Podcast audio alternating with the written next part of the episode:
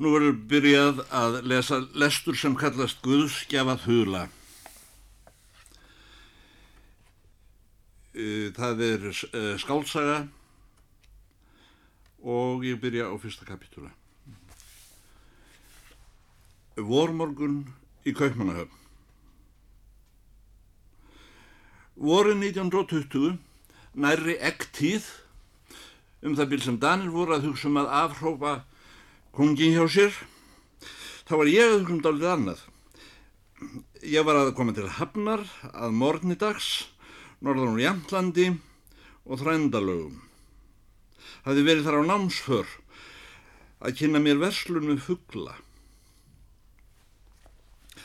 Því þó ég væri að vísu skáld, eins og aðrir samlandar mínir, þá var mér snemma ljós nöðsinn þess að vesla með fuggla. Nú stend ég á ráðhúsplassinu að býða eftir sporvagni og fara til gömlu hjónana í vannlöse þar sem ég hefði einlegt dreymt um að eiga innhlaup fyrir fjórkronar á mánuði. Að öðru leiti átti ég öngvan vísan sama stað. Ber nú að mér risavaksinn mann sem ég stend þar á gangstéttinni. Hann ber það gerfi sem týðkaðist meðal heldrimanna í þann tíð og samanstóð hörðum hatti og sjakkett og íbenviðarstaf með fílapens hnúð. Það voru allir góðir íslendingar í sjakkett. En nú á dögum er þessi flík orðin sérbúningur þjóðhauðingja við morgun aðhafnir og fylgir honum hotnaflástur. Hursámaður sem nú á dögum leti sjá sig í sjakkett á ráðhúsplásinu í Kaupmannahöfn án þess að hafa vopnaða herdel spilandi á lúðra í eftirdrægi myndi orða löst vera haldinn fyrir vinstri villumann, eitur autu eða hippa. Þessi maður var í morður í kakiskirtu við sjakkettinn sem annars var ekki síður. Hann var auðvitað að hugsa um eitthvað sérstakt. Horði nýður fyrir sig og þrýsti í íbenviðarstafnum með olbóanum upp að síðunni, höndina í buksnavassan, en var að reyka síkaretu með hinni hendinni. Hann kipraði augun eins og týttur um spilamenn og þó að vera að hugsa um eitthvað annað en það sem var í kringum hann þá var hann öngva veginn áhyggjufullur að sjá. Allt í hennu kannast ég við mann hætti að gá að sporvögnum til vannlösi og gengi vekk fyrir hann og segi góðan daginn á íslensku. Nei, kondu blessaður, segir maðurinn og hættir að hugsa. Hvað syngur í þér? Vildi ekki síkartu? Það var sannast að segja engin smáræðis upphefð í því fyrir pilt korn, millir fermingar og tvítugs, að mikill maður í sjakkett skildi bjóðunum síkartu á ráðhústorkinu Kaupmannahöfn. Þegar hann var búin að gefa mér síkartuna, spurði hann, gengur ekki allt vera í háskólanum? Er það ekki nokkuð góð staður? Satt að segja gugnaði ég nú á því, svara ég. Já, ég veit nú ekki einu sinni hvað háskólu er, sagði hann. Er hann þetta með tveimur spýrónum upp úr? Nei, allir það sé ekki domkirkjan í Róastjöldu. Já, það segir þú sætt. Helvítis árigóð kirkja. Meðal annar alveg, hvað tóstu þið svo fyrir hendur? Ég fæst svolítið við hugla útgjörð. Nei, kondu blessaður, sagði sjakkett maðurinn og rétti mér höndina. Þá er hennu kollegar. Ég fæst nefnilega við síldar útgjörð. Ég vona að séu góðir tímar hjá þér eins og mér. Það hefur nú verið heldur döft með fugla í vetur. En helst eru það kanaríufuglar og þegar ekki eru fuglar á markaðinum þá reynir ég að skrifa svolítið fyrir blöðin hérna. Já, þú ert segjur, kalla ég. Kann dönsku allt, fem og tíu öðri. Gleður mig að kynast þér. Ég heiti Bessi Hjálmarsson. Hér er nefnspjaldið mitt. Fyrirtækið heitir Northshield, simnefnið er Æsland Byr, staðurinn Djúbvík. Komt að finna mig þú máttu vera það. Ég svaraði, sem betur fer er ég nú ekki svo út úr því að ég kannist ekki við Íslands bersa. Ef ég verði eins frægur og þú, þá er ekki vandi að lifa. Þú ert álega frægastur allra Íslendinga sem nú eru í síld. Þar þau ekki menn ég eftir þér prívat þegar ég var drengur. Þá hafður þú garð. Þú seldir henni fóstru minni pók á gullróum. Hann tókuður um axlirnar á mér með þeirri hendi eh, sem hann hafði síkaretuna. Þrýsti mér að sér og let mér fara að ganga með sér. Já, kondum margblessaður. Ég er nefnilega gullróum aður sem gerir út á síld. Alveg eins og þú. Þú gerir út á fuggl, en ert í raun og veru skáld. Kanski stór skáld. Djöfull góður strákur. Heyrðu, þegar ekki eru kanarífuglar, þá ættir það að taka þig til og skrifa æfisúu mína. Þú skalt byrja svona. Íslands Bessi var komin að fræðum gullróum að langþegatali. Þegar ég var garðirkjumöður hinn í Danmörku og var að setja niður róur á fjóni, þá fekk maður 25 krónur á mánuði og þegar búið vera að borga fyrir þvottin manns, þá voru eftir 21 sem duði fyrir einu sinni fram og aftur til hafnar, einum buff og spæliki, einni brenninjusflösku og 73 ára gamalli hóru í lagsigæðin. Síðan gefur þau bókin út, beðu Íslandi og í Danmörku, en enganlega þó í Svíþjóð þar sem penningarnir vaksa. Þú heyrðir sjálfur allt sem inn kemur og færið æfisöguna með afslætti hjá mér og, og verður miljónær. Við settumst á kaffi rétt hjá Tífóli. Framgafl á einföldu húsi eins og ómálgaböðn eru tekna. Tveir gluggar sitt hverju megin við dyr, tvö borð á gangstéttinni, ekkert kvikt. Gardínur fyrir gluggum að innan, gulnaðar af sól. Engin leið að sjá inn um gluggana. Var yfirleitt nokkuð inn í húsinu eða uh, var þessi húsgafl aðeins lausa þill? Í miðjum ís stórbæjarins var staðurinn þögull eins og upp á heiði. Maður kom sjálfum sér fyrir í miðri þessari billegu leikmynd, settist á stól við dúglagt borð og fór að leika sjónleik. Áhugalös uppfartari náði á endanum í tvo volga bæjara eins og múrar að drekka og saði verðið. Bítulagsi, við skulum veðja, saði gestjáði minnu mann, en maðurinn bar ekki áhuga fyrir það skoran bralli, fannst það ekki heldur fyndið.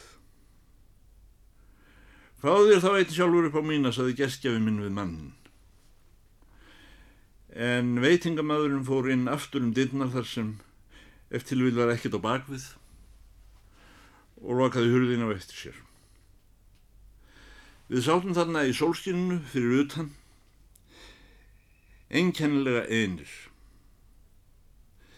Hérðan séð urðu þeir menn óverulegir sem gengu um strætið. Uh, hann heldur við séum asnar, sagði gestjáfinn. Það halda Danir æfunlegum Íslendinga og, og, og reyndar Íslendingar um Dani.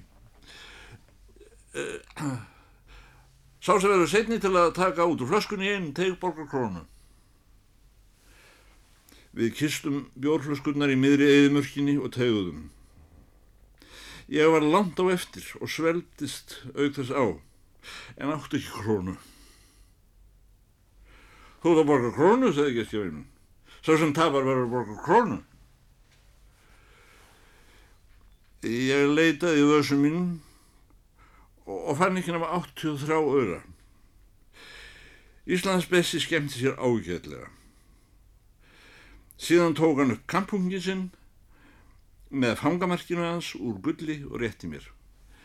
Takkt eins og þið vandar. Ég, gesturinn, segi.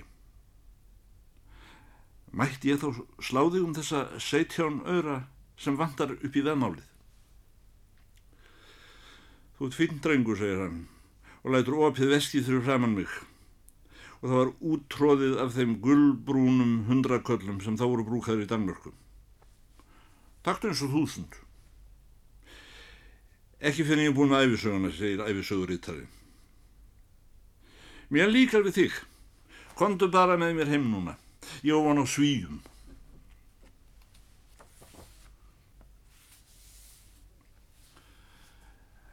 Annar kapitúli. Sami vormorgun. Svíjar. Við gengum burt úr þessu einkennlega kaffi og hann hafði stafinn sem skorðaðan millir olbúans og síðunar eins og áður. Ég þekkti þann mann lengi en sá hann aldrei stinga stafnum sínum í göttuna heldur leða hann einlegt mynda 30 gráða hotn við sjálfan sig miðað við ryggsúluna. Það var ekki langt að fara. Hann átti heima á Hotel Palace. Ég hafði aldrei séð hann staðin um að tilsýndar. Íslendingar riðu þar yfir leitt ekki húsum á mínum esku dögum. Nefna kannski einn og einn stjórnmálamæður sem ekki þurfti að borga fyrir sig sjálfur.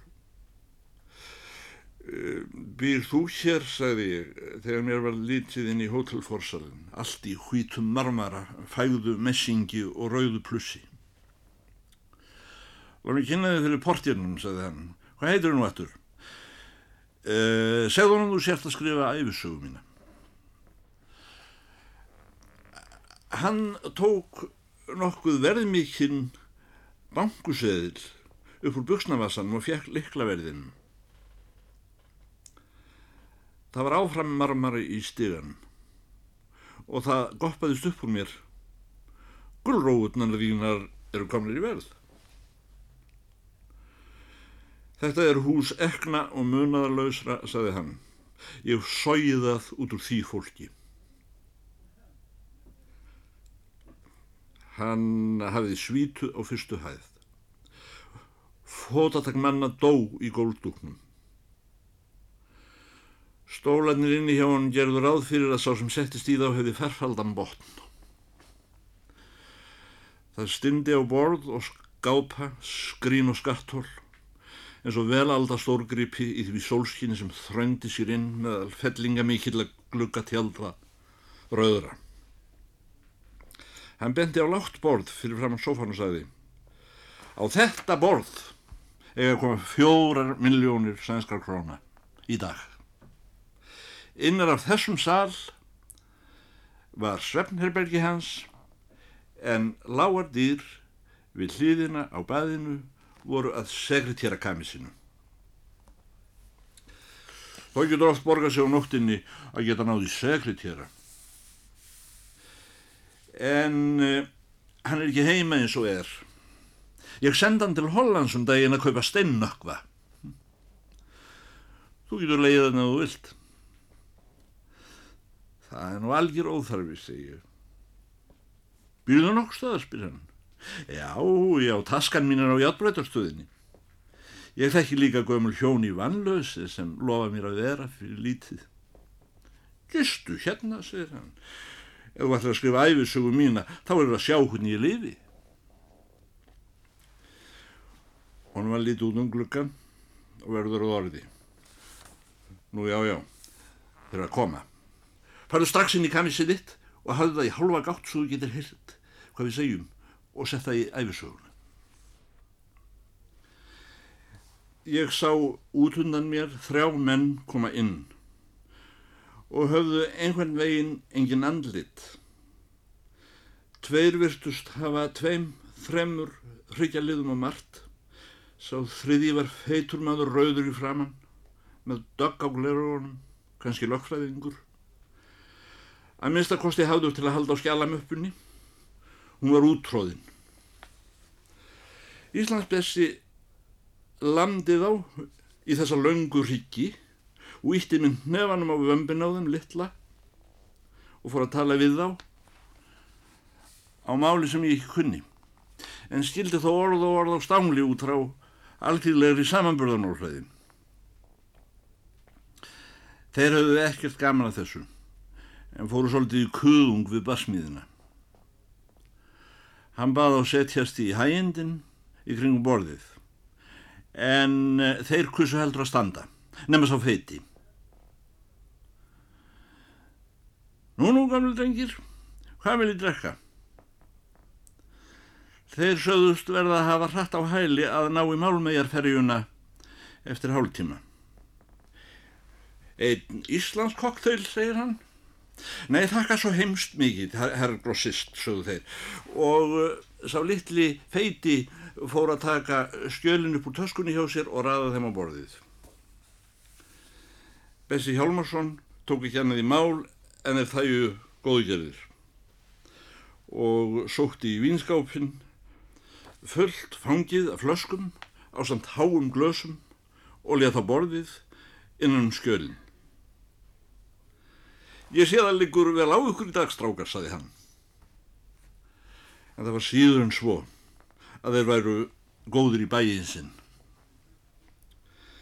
Þeir voru með öllu ónæðumir á gaman. Hann byrjaði á því að hella bjór í glösin og segir svo Nú skálum við, samtaka nú. Það er ekki vant að skála í bjór, sögðu þeir. Hver er ekki vannur því, spurði hann. Það er óþægt aðferð, sögðu löngu svíjarnir það eru ekki mannasýðir að skála í bjór. Ekki segir það, nú kannski saði svo feiti ögn afsakandi og bætti þið til útskýringar. Það er yfirleitt ekki síður eh, herr í Sverige að skála í neinu sem er undir 12 gráðum. Aðri drikkir teljast til matvöru. Að skála er alvarlegur hlutur herr grossist sögðu löngu svíjarnir döglega að skála er að minnstakosti nokkuð sem en gera ekki út í bláin að skála í bjór er ekki ósvipað og að tróða upp í síður rúbröð sneið og segja um leið lengi lifi kongurinn saði feiti svíin til enn meðri útskýringar. Ég skála í bjór, saði Íslands Bessi. Skál! Þeir lyftu ekki glösum en hann tæmdi sitt. Þá greip Bessi konjaksflösku og síðan viskiflösku og heldi sínum skvettinum á hóru í bjórin hjá þeim. Það flóði út af. Svíjar horfðu stjarfir á þessar aðfærir. Drekkið þrákar, sagði Bessi. Þeir sögðu þetta veri ekki heldur svo stundu dags sem en drikju sterka drikki. Við veikjum drikki nattur, sagði Íslands Bessi og dróð tappan úr rauðinsflösku og bætti í full glösin svo skjölinn voru nær druknuð í flóðinu sem eftir þessu verða borðinu. Þessi kokteil var eins og kúalland tilsýndar. Svíjar voru hann hvítir í framann. Skál, sagði Íslandsbessi. Hafa Íslandingar aldrei kynst víni? spurðu þeir. Nei, sagði Íslandbessi, við kunnum ekki á vín. Við veitum ekki hvað vín er. Engin heiðarlegur Íslandingur kann að drekka. En við treystum okkur til að drekka hvaða svíja sem er undir borðið.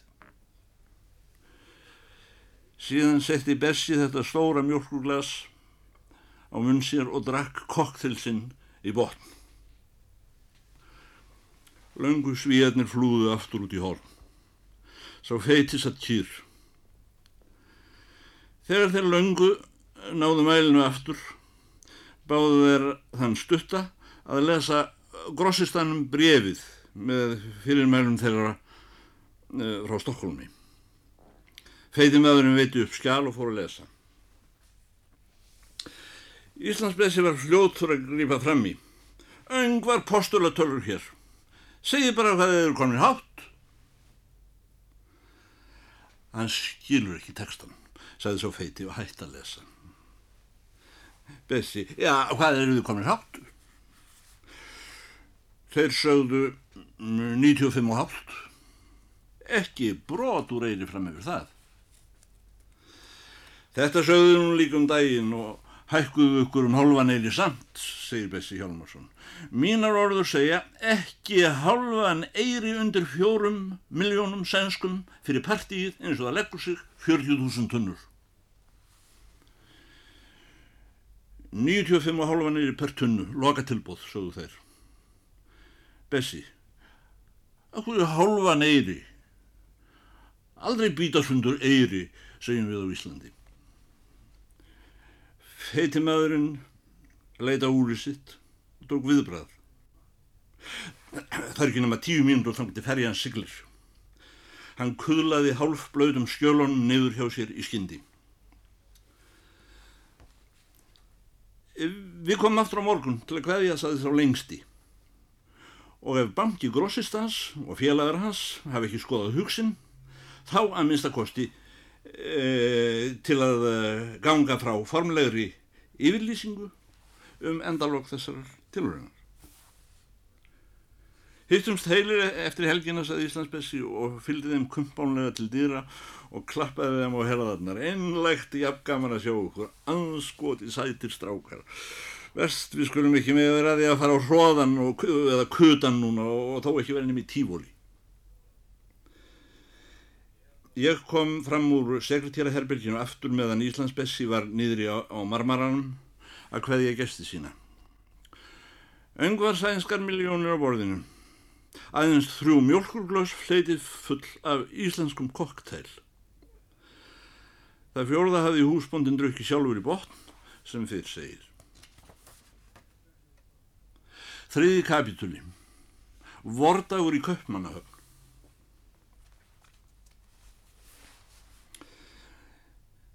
Íslands Bessi kom inn frá því að hverja gestina. Hann leitt á mig annars hugar, kannski búin að gleyma hvaða mjóslegið piltkott það var nú aftur sem satt þannig í reyðileysið. Þannig að ég segi,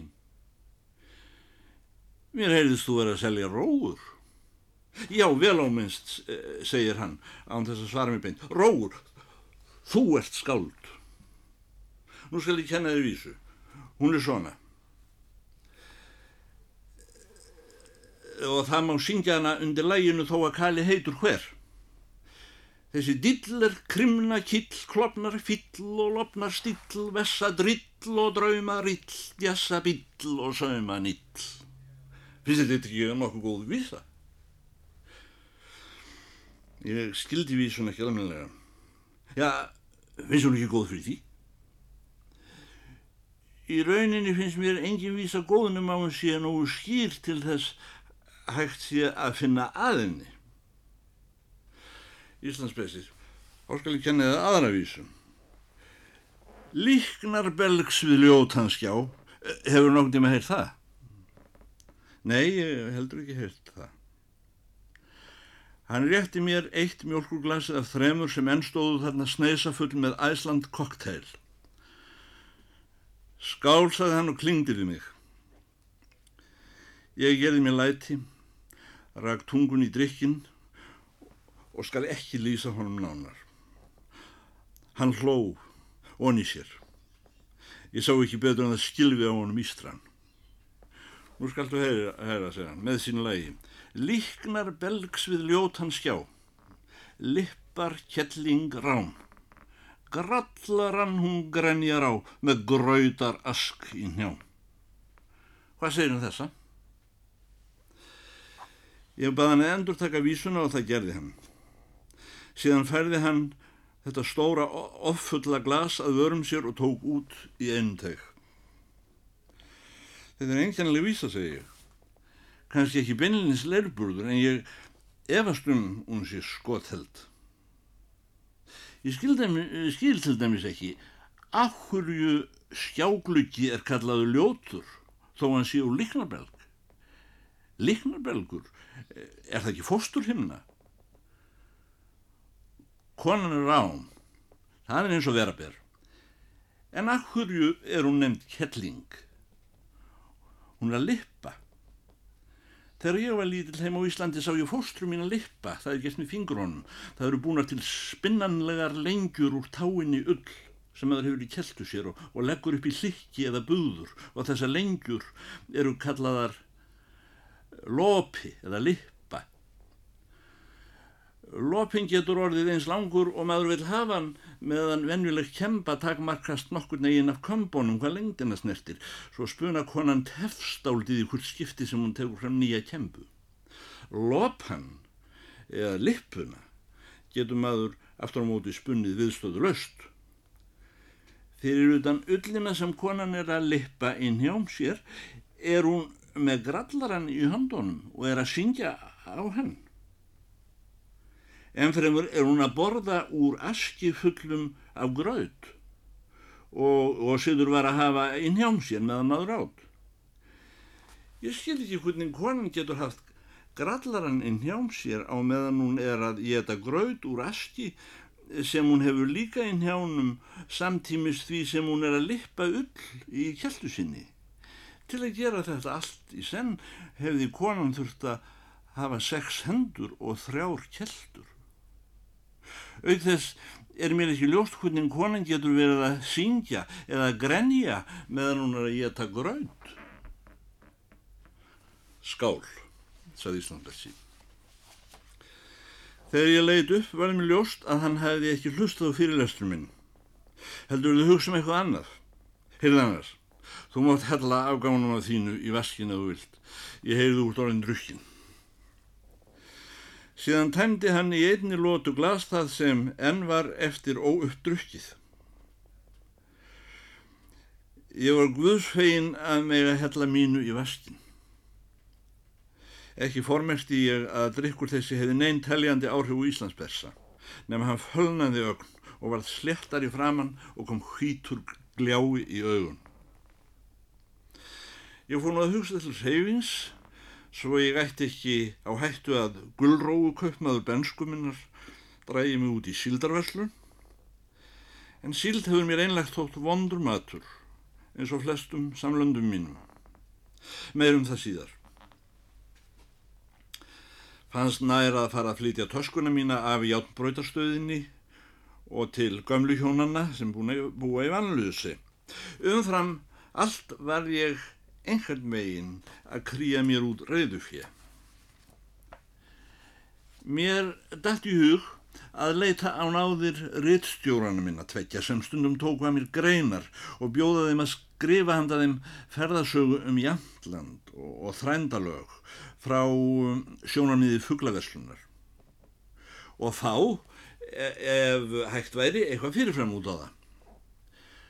Á öðru blæðinu var engin viðmælendi persóna komin á fætur en á hinnu varð um, rittstjórnar sekretærin fyrir svörum en þeir næst hæstu eru vestir á hverjum stað eh, sem kunnugt er. Madurinn sagði mér að ymsir Danir hefðu færið um Svíðþjóðun Lóreg á undan mér og skrifaði um efnið með leiði hvað er um sér gammal maður Ég var átján ára og sagði að mér veri ókunnugt um danska bladamenn sem hefðu skrifað um þessi lönd frá sjónarmið hugla og taldi jafnvel að mín sjónarmið gætu valdið aldahorfum í skoðunum manna á löndum þessum. Hann vildi aftur á móti fá greinum hvað svíjar og norðmenn segðu núna um pólitík Dana í Slesvík og hvernig þessar þjóður væru líklega að breyðast við ef Danir afhrópuðu kongsinn.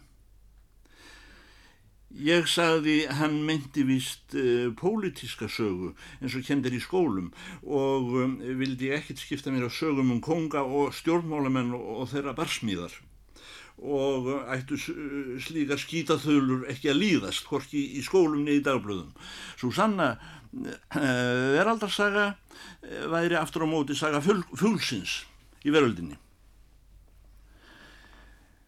Já, það er auðvitað, þér eru það á tjón ára, sagði hann. Auk þess væri Íslendingi eins og mér líkt hugleikið hvað svíjar og norðmenn hugsunum Slesvík og svo frangið, sagði ég. Maðurinn borgaði mér samt 30 krónur sem ég átti inni hjá þeim fyrir grænast úr síðan í vetur.